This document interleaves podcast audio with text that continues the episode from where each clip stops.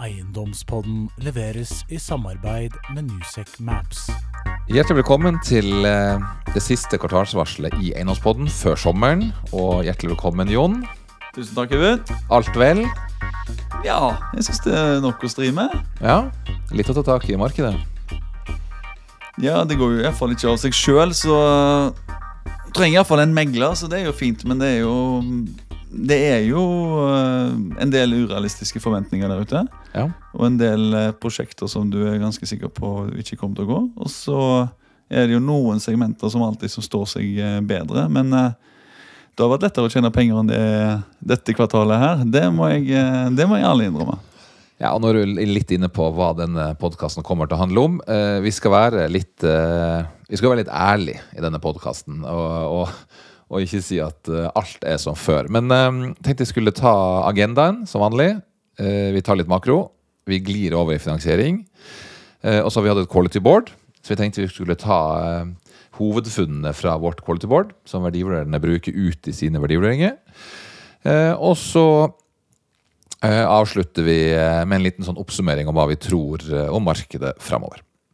Eh, og det makrobildet det gir jo ikke akkurat de beste arbeidsvilkårene Jon, for uh, når, fundingen skal på plass, men, uh, men swap som hopper og spretter. Det er vel riktig å si. Og det, det er jo noe som preger volumet, rett og slett.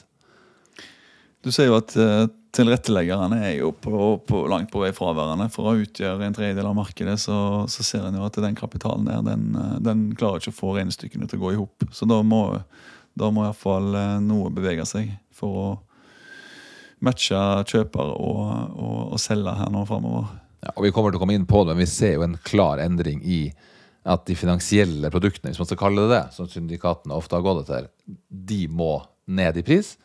Mens uh, value add, uh, litt sånn Lieb Haber og litt den der uh, touch and feel, det, det står seg relativt godt. Men det finansielle, det, det må ned. Men det kommer vi litt inn på. Vi har jo et transaksjonsvolum på hold deg fast 11 milliarder per eh, Q1. Eh, og så talte vi opp nå, og ja, du kan legge på en liten milliard, Jon. Eh, og nå er vi nesten halvveis ute i Q2. Så eh, sammenlignet med tidligere år, så, så ser det jo ikke bra ut. Men, nei, eh, nei det, er, det er vel eh, Det du oppsummerer nå, er vel det vi erfarer på, på desken nå. Så det er, det er samsvaret. Da er det ikke bare vi som lukker færre dealer enn vanlig. Nå har vi nå lukka noen, ja, og tar med oss det. Eh, og hvis du tar hvis du tar dette ut i de andre nordiske landene, som vi er sterkt representert i, så er jo bildet helt likt. ja, det er helt likt. Eh, og det er til tross for at eh, i de andre nordiske landene så har de jo aldri hørt om tilrettelegging. Så, er, så skal vi ikke bare skylde på at det fordi det segmentet og de aktørene ikke gjør, gjør dealer lenger, så, så, så er det helt likt i hele Norden. Altså. Det er finansieringsutfordringer. Og hvis noen vil vite tallene, så eh, nevnte jeg jo 11 milliard per Q1 i år, mot eh, 36 i fjor, 21 året før der, og 19 året før der. Så da har man det relative bildet om hvor dårlig det egentlig står til. Eh, og så har vi et leiemarked, Jon, som har eh, jeg si, redda oss noe, sammen med KPI. Eh, og nå ser vi jo siste tall fra Rar Statistikk om at eh, der er siste kvartal ned.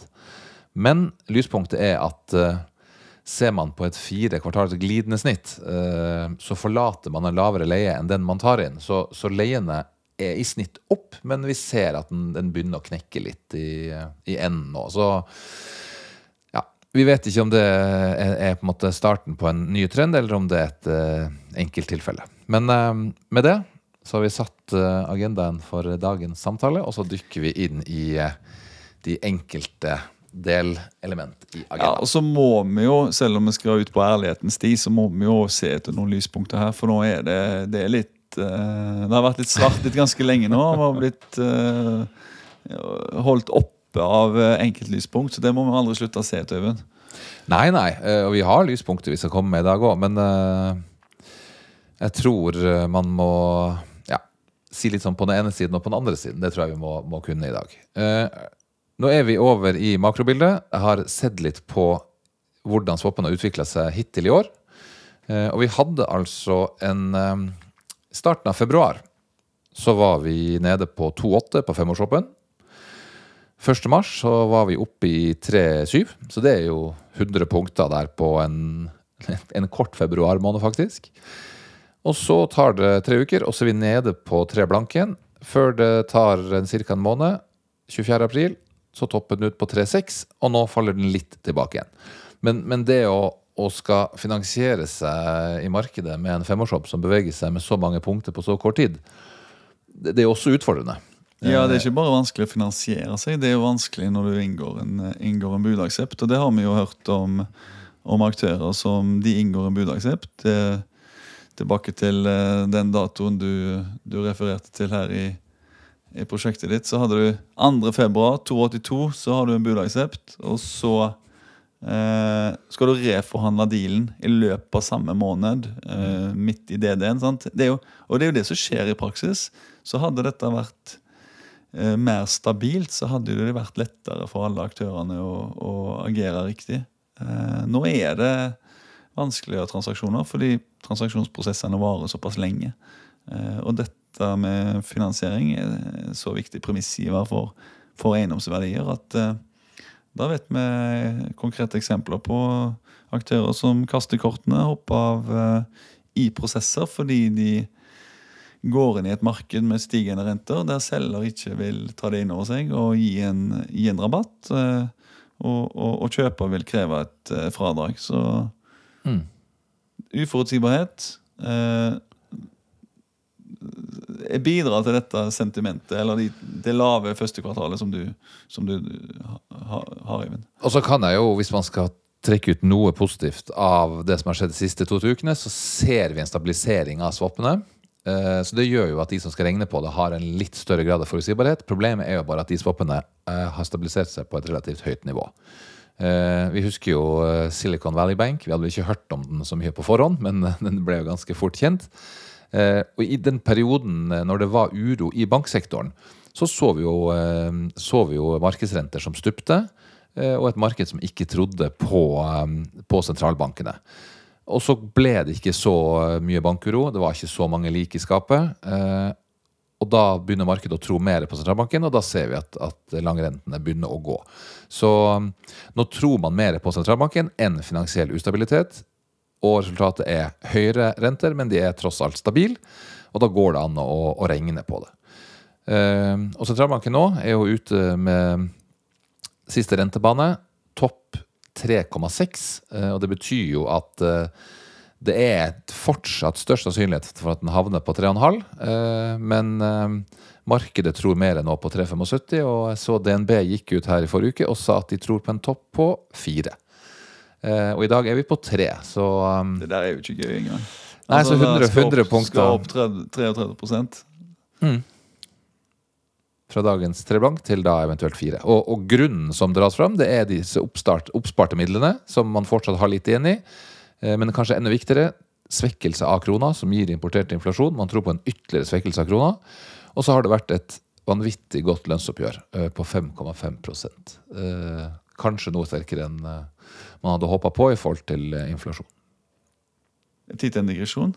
Ja, ta en digresjon. Eller en, det er ikke en digresjon engang. Men jeg hadde et veldig spennende lunsj med en stor boligutvikler som da vi snakket litt om prisstigning, forutsigbarhet, hvor vanskelig det var nå. Og så, så bare kasta han ut en liten sånn eh, Ja, men har du tenkt på når, når Ukraina skal bygges opp igjen?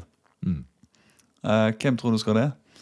Nei, det er antagelig de polakkene da, som er her. Mm. Så det å få tak i folk som skal faktisk gjøre en jobb, eh, det som skal bygge prosjekter, de som skal gjøre rehabiliteringer, de som skal sette inn, inn eh, ja, ja, tiltak, da, om det er bytting av elektro eller Det skal skje til dobbel lønn, det, ventilasjon. Av Ja, altså, det, er av vanskelig, det er vanskelig å se for seg at polakkene istedenfor å ta toget til, til, til Ukraina, skal ta, ta fly til Norge. da. Jeg vet ikke.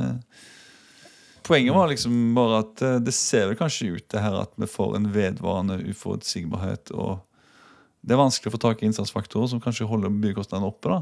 Så det er sikkert elementer som drar det andre veien. Men jeg, jeg synes det, var, det er kjekt å snakke med folk som liksom bringer nye elementer og ting til tog som du ikke sitter og, og pønsker på sjøl. Men Mm. det er jo klart, det må være en, en, en driver, altså.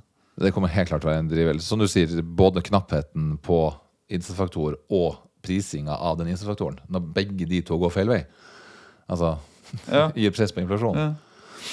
Eh, nei, så i kombinasjon med den digresjonen din, eh, og da, som jeg sier, mer oppsparte midler enn anslått eh, Vi har sett en, en krone som har svekka seg mer enn anslått, og så har vi da sett et høyere lønnsvekst enn anslått. Og de tre tingene er med å, å dra opp uh, inflasjonen. Uh, I tillegg så har det vært mye snakk om denne krona. Vi skal ikke være sånn helt makroøkonomer her, men, men har sjekka litt i forhold til skal krona tilbake der den var, eller, eller er den svake krona den nye normalen? Eh, og der ser vi jo nå at eh, Norge er ikke så interessant for eh, utlendingene. Krona er ikke så interessant å investere i.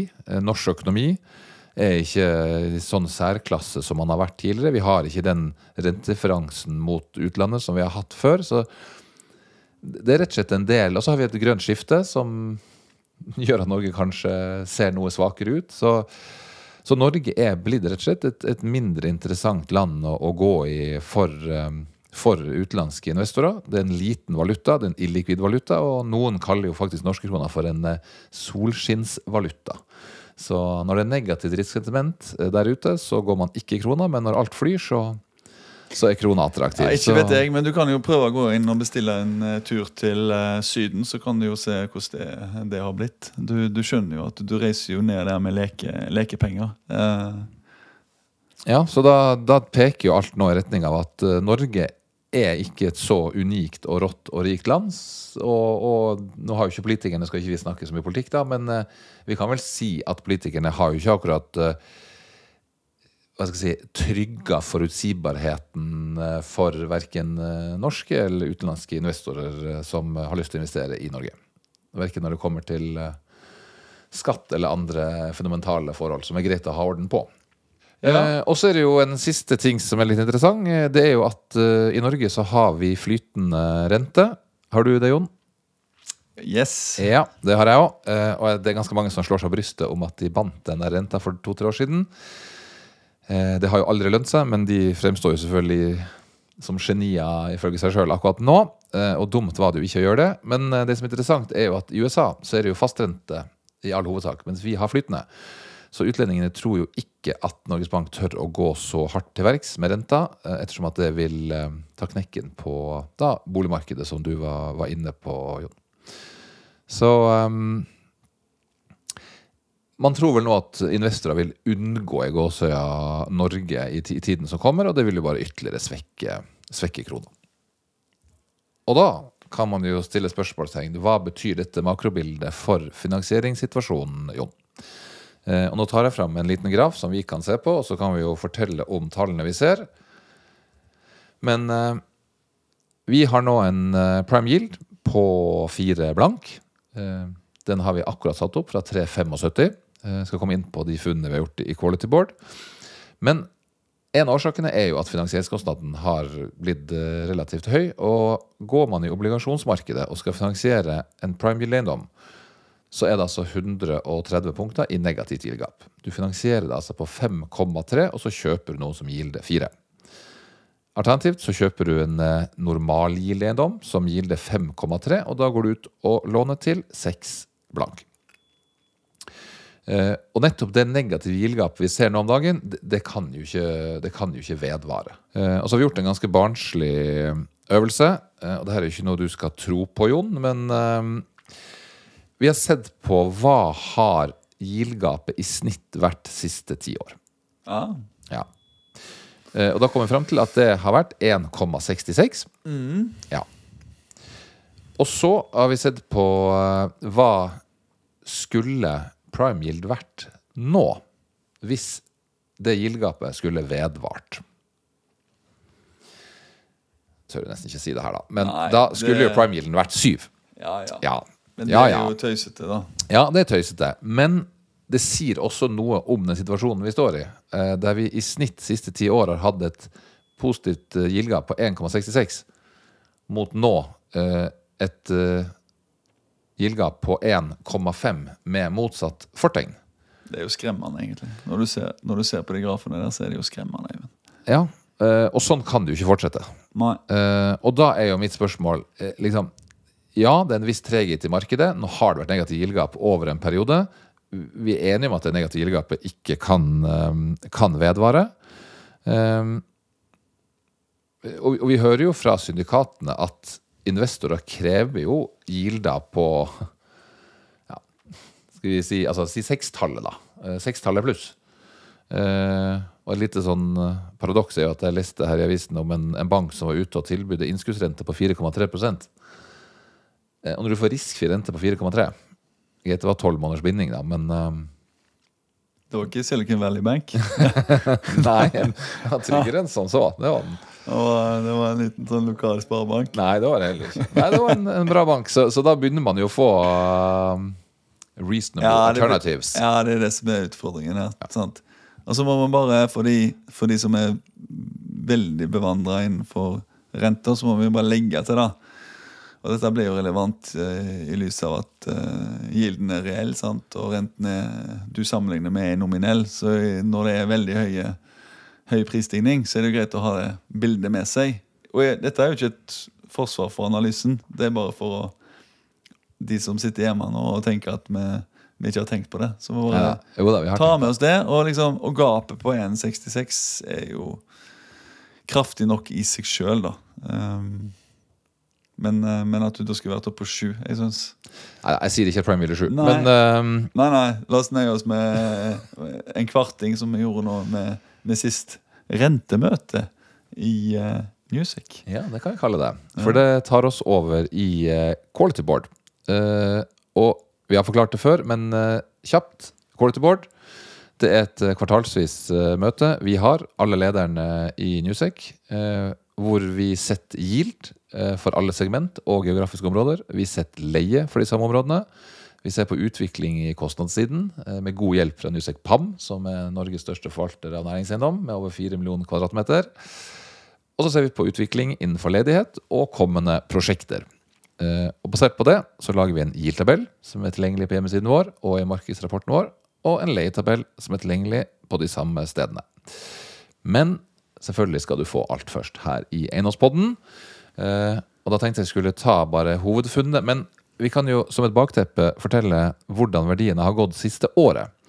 Eh, og det er jo da Newsex sin verdiindeks. Eh, som da baserer seg på hva vi har verdivurdert bygg til for ett år siden, og hva vi verdivurderer det til nå.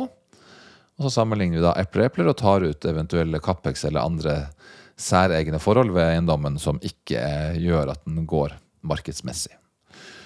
Og da ser vi at eh, Oslo CBD kontor er ned uh, ca. 3% år over år nominelt. Vi har eh, sentrum, som er ned nærmere 5 Og så har vi da kontor for hele Oslo, som er ca. 5,5. I Trondheim så er vi ned eh, 4. Bergen så er vi ned 4,4. Og i Stavanger så er vi ned nærmere 10, men den er forustung, så vi sier ikke at sentrum er ned eh, så mye. Sentrum er kanskje mer i tråd med Bergen og Trondheim. Og så har vi logistikk som er ned tre, 3, og handel som er ned 2,5. Handel eh, har en noe mindre nedgang fordi at de ble tatt også under korona. Men det er, det er ned mellom eh, skal vi si, 3-5 da, over hele fjøla. Ja, og Den bredeste indeksen din er jo den Oslo-indeksen, som er ned 5,5% Og det er vel jeg, jeg ville jo trodd at det var mer, og jeg lurer på om sånn i ettertid som Det viser vel kanskje også at når vi nå setter opp gilden eh, basert på litt manglende ja, manglende dealer, eller stor avstand mellom kjøper og selger, etter hvert og, og, og prøvd å skape ting i det markedet, her, så må en jo se, se hva så eh, En ser de dealene som ikke går. Uh, en ser liksom da hvor stor avstand det er, det er mellom partene. Og så har du, hatt en, har du hatt en kopi og en leie som har vært støtdemper. Ja, ja det var det jeg skulle mm. inn på nå, som du, som du sier. sant? Det er en veldig god støtdempingseffekt i prisstigning. Og ikke minst et underliggende positivt leiemarked. For ellers så hadde jo dette det leiemarkedet har jo Nå har vi ikke gjort en analyse på det i de tabellene. Eh, Det leiemarkedet i Oslo har jo klart seg såpass bra, ellers så hadde det jo gått enda, enda verre. Ja da, og vi ser nå for eksempelvis alle bydelene i Oslo, så ser vi et kjempehopp uh, som skjedde for ca. et år siden. Uh, og, og, og, nå når vi ser på fireklart glidende snitt, så, så er det jo rett og slett fire ganske høye kvartal som kommer inn nå. Uh, men nå tror vi at de leiene har gjort sitt. Uh, KPI-en eh, vil fortsatt komme inn noe høyere enn det sentralbanken styrer mot, eh, men gildene stiger. Så, så nå er det ikke så mye som, som bidrar. Når du summerer opp nå eh, til og med verdivurderingene fram til sommeren, Mm. vil du Og snittet Oslo er ned 5,5 ca. Mm. Er du på en eh, 8 ned, eller? Ja, hvis du gjør et enkelt eh, regnestykke, da. Nå, kan du ta gildene nå? Vi har jo satt opp lavgildene, mens vi har eh, latt de høygildene stå. Eh, og det betyr rett og slett bare at vi eh, ser at investorene de flyr nå til høygild-eiendom. Konkurransen er større der. Jeg snakker med flere aktører som har følt seg ganske sånn eksklusiv i det segmentet 5,5, 6, 6,5 eh, de, de sier nå at de opplever mye høyere konkurranse. Eh, så, men ta eksempelvis CBD. da. Nå satte vi opp eh, prime yield fra 3,70 til 4. Si at du har 6-7 der, hvis jeg liksom regner litt kjapt. Eh, og så har vi en, en leie nå som vi har satt opp. men det er rett og slett bare fordi at, at glidende snitt er sterkt, men siste kvartal er svakere enn de foregående. Så vi, vi ser nå at vi, liksom, vi topper ut på leia. Eh, Og så har vi en KPI som, som potensielt kommer inn noe høyere. Jeg vil tro Når du summerer opp dette, så er du på 7-8. Altså. Kanskje 8. Ja, Hvis du ser eh, hele under ett, ja. Ja. Oh, ja, ja, ja, ja, ja. Enig. Enig. Så, så, men um, Ja, og dette er jo nominell endring, så, så realendringene er betydelig ned. Altså. Men kanskje det er et uh, Allikevel at eiendom er et, uh, tross alt et godt alternativ. Ja da, men nå, nå er det litt limbo i markedet. da. Nå må, med, med, stabil, eh, med stabile forutsetninger på finansieringssiden, der kjøperne vet hva de har forholdt seg til, så vil ikke de gi seg på den prisen de er villige til å betale. Så da, da er det rett og slett på at selgerne må, må ta det inn over seg. Men uh, lavgildene de tikker oppover. Høygildene holder vi enn så lenge. De er mulig å få finansiert. Samme leiene de stiger fortsatt, men viser helt klart tendens til å flate ut. Så vi, vi glir inn mot, mot mål nå, og det blir færre og færre bidragsytere til å holde disse verdiene um, oppe.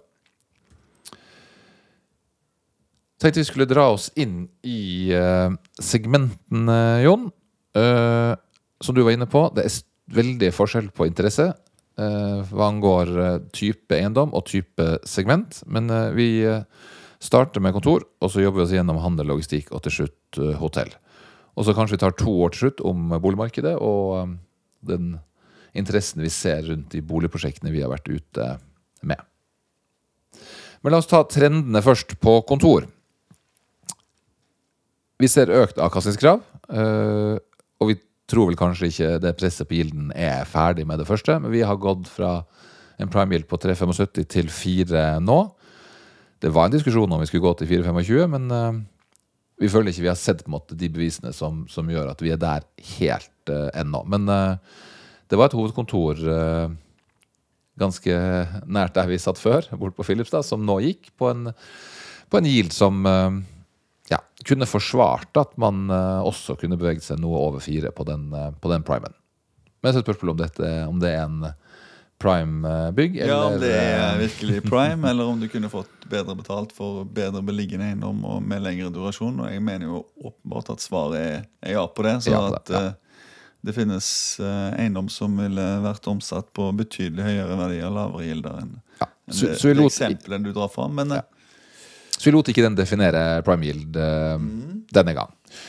Vi ser en lav kontorledighet i de største byene, noe som har gjort at Lena har, har holdt seg godt, eh, og, og vil nå potensielt flate ut og ikke falle så mye tilbake. Men du, det vil jeg si, Øyvind, fordi det er mulig jeg er litt på, på salgssida her nå, men hvis du også har tilgang til Newsec Maps, så vil du jo få denne dataen her i Newsec Maps, og du vil også få ledigheten i de største byene tilgjengelig i kartgrensesnittet Newsec Maps. Mm. For de som ikke bare vil høre på, på radio høre deg. Nei, Der har vi lagt inn markedsmessig data inn på by- og bydelsnivå i de fire største byene i Norge.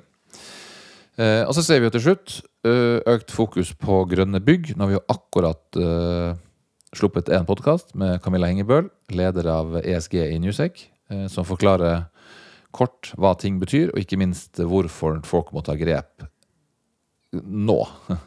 Eh, og den bølgen som kommer eh, med ytterligere tiltak som man må forholde seg til.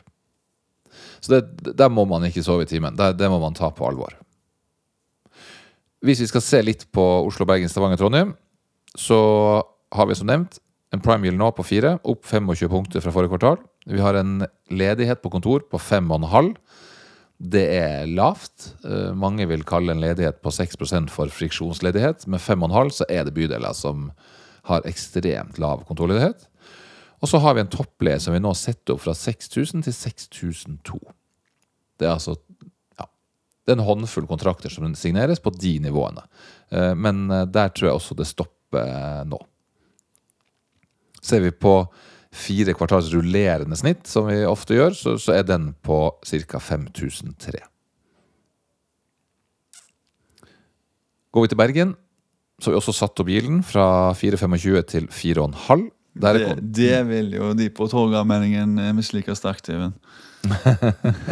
Ja, men de regner ikke alltid med kalkulator, da. Så, men eh, vi, vi ser at, at Bergen eh, si, Den var skarp på, på 4,25, og i forhold til den finansieringskosten vi ser nå, så, så kan vi ikke forsvare å la den, la den stå.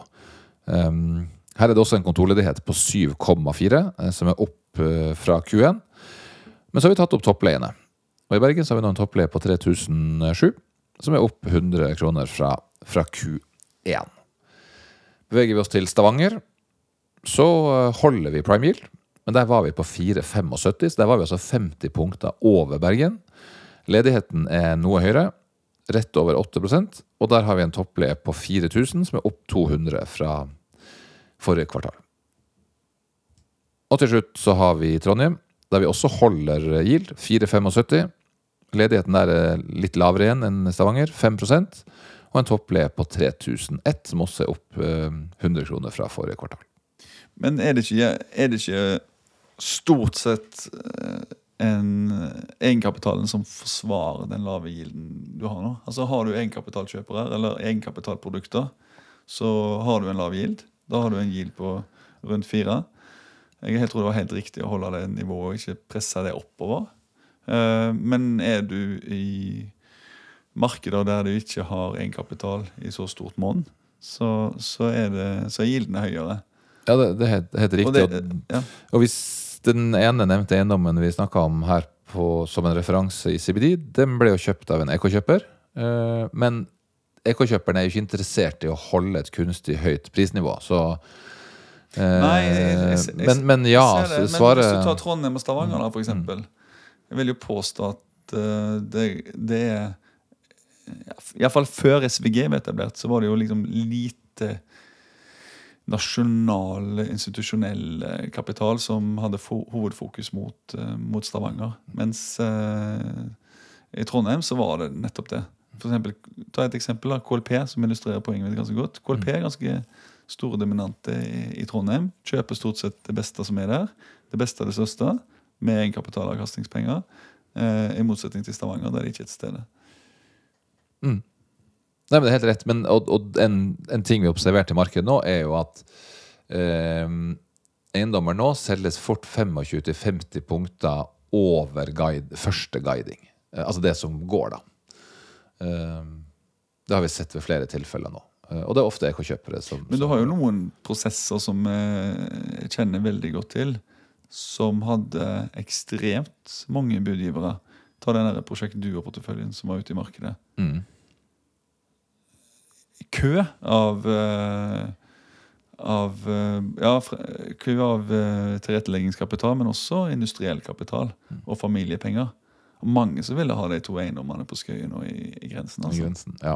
Og, det, Og- og det var vel også en oppside på, på leiene her, særlig på Ja, det var jo typisk sånn value add eiendom, som, Mm. en, som en sier. da, Og det er vel eh, Det er jo det du må Om det ikke er value add eiendom, så skal du ikke selge det. og Hvis ikke du klarer å finne en megler som klarer å lage en value add historie til eiendommen, så må du ikke så må du derfor ikke bruke den megleren. Så, for det er jo bare det segmentet som funker nå.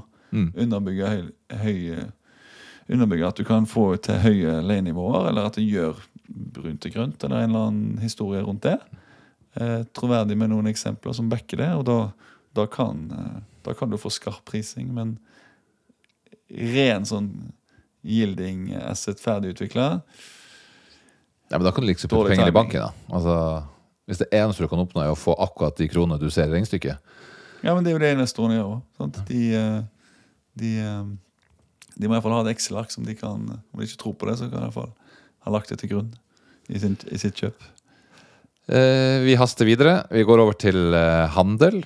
Eh, der ser vi en, en økt eh, andel konkurser. Eh, vi eh, ser også en trend til at eh, til si, I hvert fall dagens unge liker å opprettholde det å kunne gå ut og, og spise på restaurant. Så um, ser vi globalt, så- så en, en, går det i retning av at varehandelen faller noe mer enn typisk det å gå ut og, og drive si, sosial shopping. Eh, tidligere så har det vært 50-50, men eh, lytterne må være litt oppmerksom på at handel er ikke nødvendigvis handel, og, vi kan se et skifte der om at du heller bruker dongeribuksa di et par ganger ekstra, og så får du deg en matbit med, med venner og kjente. Eh, men den økte renta og den struping av kjøpekraft vil, vil jo slå. Eh, og vi ser nå en, en, en relativt sterk eh, netthandel og konsum mot primærvarer. Og Vi snakka vel kanskje om det sist, Jon, men, men i sånne tider vi står nå, så ser man veldig oppblomstring av disse egne produktene til Rema, som heter Prima. Du ser First Price. Eh, sånne type produkter får seg et eh, oppsving. Eh, og innenfor handel så ser vi ikke økte leiepriser som, som redder verdiene. Så økte renter og inflasjon det blir avgjørende for å se om, om det er en yield-oppgang på handel going forward. Foreløpig så har vi satt prime yield innenfor handel fra 4 til 4,25. Eh, og jeg nevnte e-handel. Interessant å se at e-handel utgjør nå 8% av detaljhandelen, og vekstraten siste fem år er 15,3% mot eh, 4,5% for tradisjonell handel. Så veksthatten er tre ganger så høy, og snart utgjør e-handel eh, 10 av totale detaljhandel. Så man har alltid snakket om at veksttakten har vært høy, men det har utgjort en liten andel av detaljhandelen. Nå begynner de faktisk å utgjøre en relativt stor andel av detaljhandelen også, og veksttakten er høy. Så det gjør jo at eh, e-handelen kommer jo bare raskere og raskere. Så det kan man være litt oppmerksom på. Ja, veldig. Det, det, der, det der begynner jo å bli eh, ganske betydelig. Men. Ja, og, og, Og Iallfall hvis veksttakten takten opprettholdes. Ja. Eh, og det er jo noe som drar seg over i logistikk og behovet for last mile, eh, og, og gode logistikk- og dis- distribusjonshuber.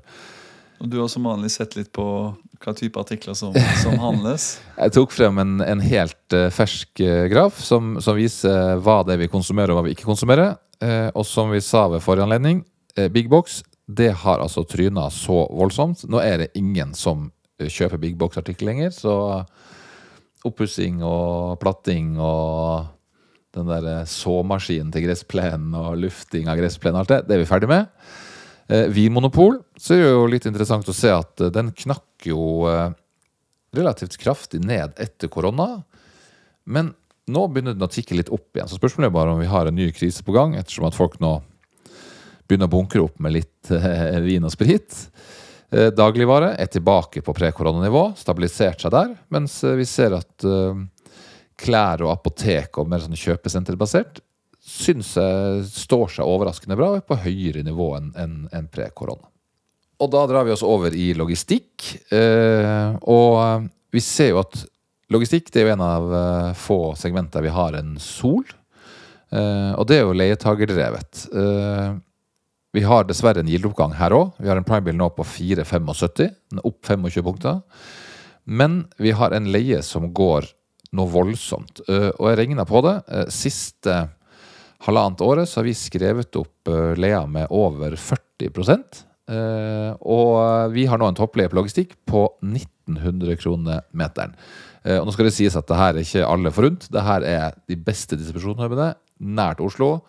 eh, der eh, leverandørene konkurrerer på tid. Og Dette er last mile-segmentet. Mile, altså. Men den, der ser vi at leiene nå har, har begynt å gå, eh, gå skikkelig.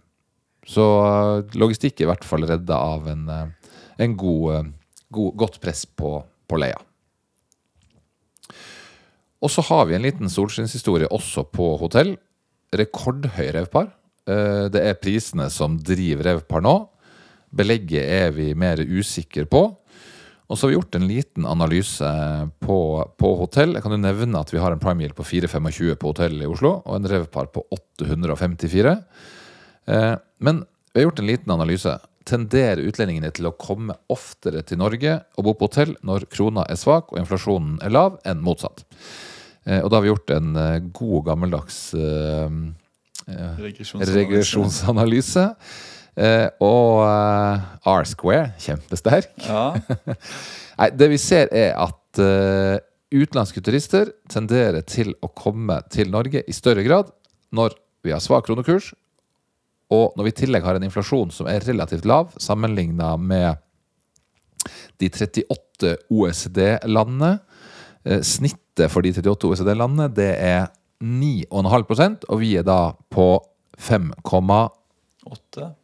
5,8. Så svak krone og lav inflasjon det bygger opp under at eh, vi kommer til å få veldig godt besøk av utenlandske turister. Og det vil eh, være med å bidra til at uh, sengene blir opptatt. Og i tillegg, Jon, så har ikke vi råd til å reise ut av Norge. Så nordmenn skal igjen potensielt feriere i Norge, og da Ja, men jeg tror du har, brakke, du har jo rett. Og jeg tror, jeg tror de effektene der de er helt sikkert litt uh, lenger varende òg. Når du da har vært i Norge og kommer hjem og sier at uh, prøv, å gå, prøv å dra til Norge. Sant? Der var det billig. Sant? Og noen som da Så jeg tror de effektene der varer liksom litt lenger enn ak akkurat det øyeblikksbildet. Du står jo ikke på, på og, og, og, og, sier- Bloomberg. Bloom- Bloomberg og sier til kona at uh, nå drar vi til, til Tyrkia, liksom. Det er ikke der du Sånn blåtur. Blå Nei. Ja. men, men, men uh, Så jeg tror den effekten der kommer til å være hyggelig i, i flere år framover.